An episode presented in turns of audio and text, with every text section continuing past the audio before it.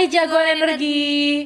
Kembali lagi di podcast Energy 24/7 dari PYC. Bersama saya Patricia dan juga saya Sinta. Seperti biasa nih jagoan energi, kami akan membawakan berita seputar energi selama sepekan terakhir. So, let's, let's check it out. Oke jagoan energi, kita mulai dari harga komoditas energi. Pertama-tama dari harga minyak. Rata-rata Indonesian Crude Price atau ICP pada bulan Juni ini masih mengikuti ICP di bulan April, yaitu sebesar yaitu sebesar 102,51 US dollar per barrel. Nah, per 3 Juni 2022, harga minyak West Texas Intermediate berada di kisaran harga 116,69 US dollar per barrel. Sementara harga minyak Brent berada di kisaran harga 117,52 US dollar per barrel. Berikutnya untuk harga batu bara. Pertama-tama ada harga batu bara acuan yang di bulan Juni ini masih menggunakan harga di bulan Mei, yaitu sebesar 275,64 US dollar per ton. Lalu ada juga Newcastle Coal Price yang tercatat sekitar 412 US dollar per ton. Perbedaan harganya lumayan ya jagoan energi. Berita selanjutnya datang dari migas. RI temukan potensi migas raksasa lagi sekelas Blok Masela. Berita dikutip dari CNBC Indonesia 31 Mei 2022. SKK Migas membeberkan adanya potensi temuan migas raksasa sekelas Blok Masela di Indonesia. Temuan tersebut berada di wilayah kerja Andaman, meski begitu tidak dijelaskan secara detail apakah temuan yang dimaksud adalah blok Andaman 2 atau blok Andaman 3. Pasalnya, kedua blok tersebut sama-sama berada di wilayah perairan Aceh, namun dikelola oleh operator yang berbeda. Adapun untuk blok Andaman 3, proses pengeborannya telah selesai dikerjakan. Sementara untuk blok Andaman 2 masih berlangsung. Harapannya akhir Juni ini potensi besar dari blok Andaman dapat dibuktikan. Sebelumnya, SKK Migas mengatakan bahwa perusahaan asal Inggris yakni Premier Oil telah melakukan pengeboran sumur eksplorasi Timpan 1 untuk menguji dan mengevaluasi potensi kandungan gas yang terdapat pada struktur timpan yang berada di bagian barat WK Andaman 2. Ke depannya, potensi hulu migas akan didominasi dari laut dalam maka keberhasilan pengeboran sumur eksplorasi Timpan 1 diharapkan dapat lebih mendorong investor untuk lebih berinvestasi di pengeboran laut dalam.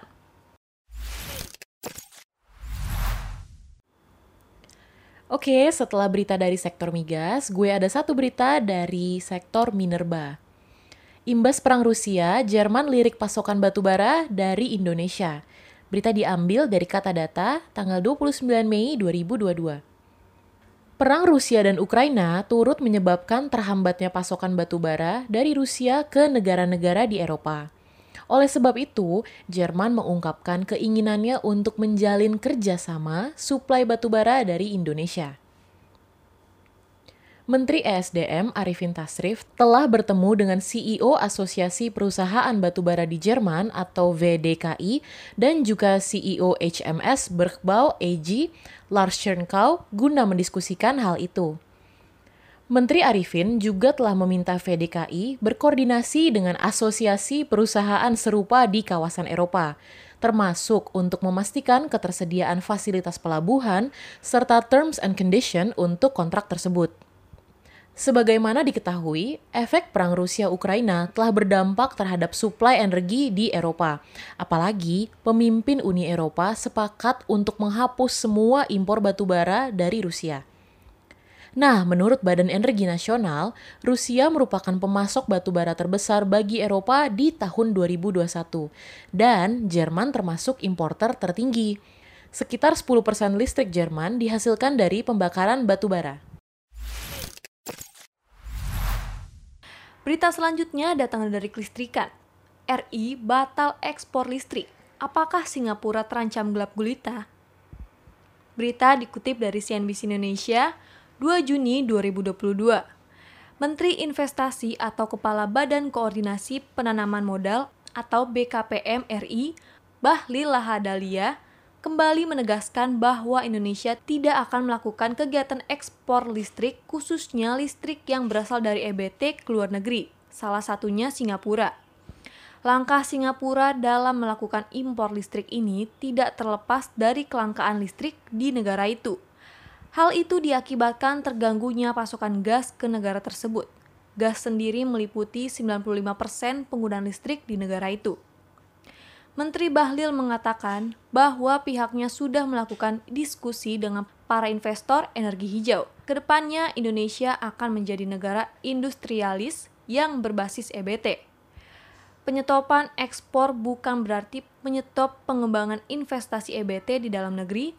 Negara-negara mana pun bisa tetap menanamkan modalnya di Indonesia dalam hal membangun pembangkit EBT. Adapun saat ini sedang disusun aturan berkenaan dengan larangan ekspor listrik tersebut. Seperti yang disebutkan oleh Sinta tadi, Indonesia akan menjadi negara berbasis EBT. Nah, pas banget gue ada berita dari sektor EBT atau energi baru terbarukan. Berita diambil dari CNBC Indonesia 30 Mei 2022 dengan judul Tuntas Diharmonisasi DPR, Begini Kisi-Kisi RUU EBT yang terbaru. Badan Legislatif DPR akhirnya menyetujui harmonisasi rancangan undang-undang atau RUU energi baru dan terbarukan yang diusulkan oleh Komisi 7. Dengan begitu, maka RUU EBT ini akan dibahas lebih lanjut dengan kementerian atau lembaga yang terkait. Adapun berdasarkan draft RUU EBT terbaru, diketahui antara energi baru dengan energi terbarukan akan dipisahkan. Dengan begitu, maka RUU tentang EBT kini berubah nama menjadi RUU Energi Baru dan Energi Terbarukan. Dalam draft RUU terbaru ini, di pasal 9 menyebutkan bahwa sumber energi baru terdiri dari nuklir, hidrogen, gas metana batubara, likuifaksi batubara, gasifikasi batu bara, dan sumber energi baru lainnya. Sementara pada pasal 26 menyebutkan bahwa penyediaan energi baru oleh pemerintah pusat dan atau pemerintah daerah diutamakan di daerah 3T dengan menggunakan sumber energi baru setempat. Penyediaan energi baru dilakukan melalui badan usaha milik negara, badan usaha milik daerah, badan usaha milik desa, kooperasi, badan usaha milik swasta, dan badan usaha lain sesuai dengan ketentuan peraturan perundang-undangan.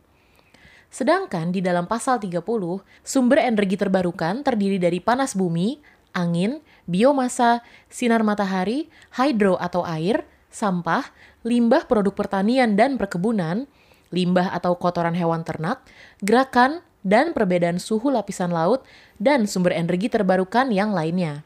Pengusahaan energi terbarukan sendiri digunakan untuk pembangkitan tenaga listrik, mendukung kegiatan industri, transportasi, dan kegiatan lainnya.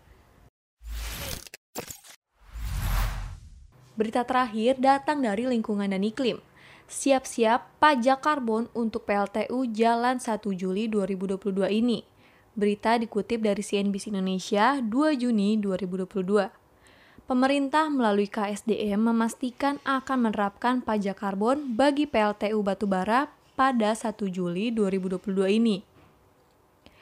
Pajak karbon dipastikan berguna untuk menekan turunnya emisi GRK dalam mendukung NGI 2060 dan akan mendorong pengelola PLTU untuk lebih meningkatkan pemanfaatan dari energi lain. Di berbagai negara, pengenaan pajak karbon tendensinya untuk pembayaran pajak semata demi pendapatan negara. Menurut Dirjen EBTKE, Dadan Kusdiana, hal itulah yang akan dihindari di Indonesia.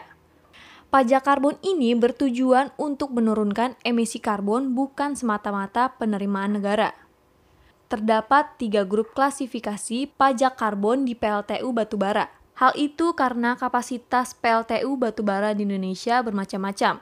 Ketiga grup pengelompokan PLTU batubara itu di antaranya yang pertama, PLTU dengan kapasitas di atas 400 MW, nilai batasan emisi CAP ditetapkan sebesar 0,918 ton CO2 per megawatt hour atau MWH. Yang kedua, PLTU dengan kapasitas 100 sampai 400 MW dengan nilai batasan emisi 1,013 ton CO2 per MWH. Dan yang ketiga, PLTU mulut tambang 100-400 MW dengan nilai cap sebesar 1,94 ton CO2 per MWH.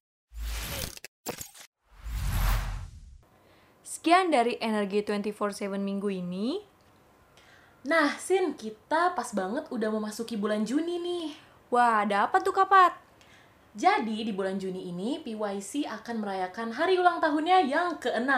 Wah, betul banget nih jagoan energi. Selain itu juga, PYC juga mengadakan berbagai banyak event nih. Pokoknya pantengin terus websitenya PYC. Dan jangan lupa pantengin juga semua media sosial kita untuk info terbaru. Kita ada Twitter, Instagram, LinkedIn, Facebook, dan jangan lupa juga untuk subscribe ke YouTube channel kita. Stay safe and see you next week.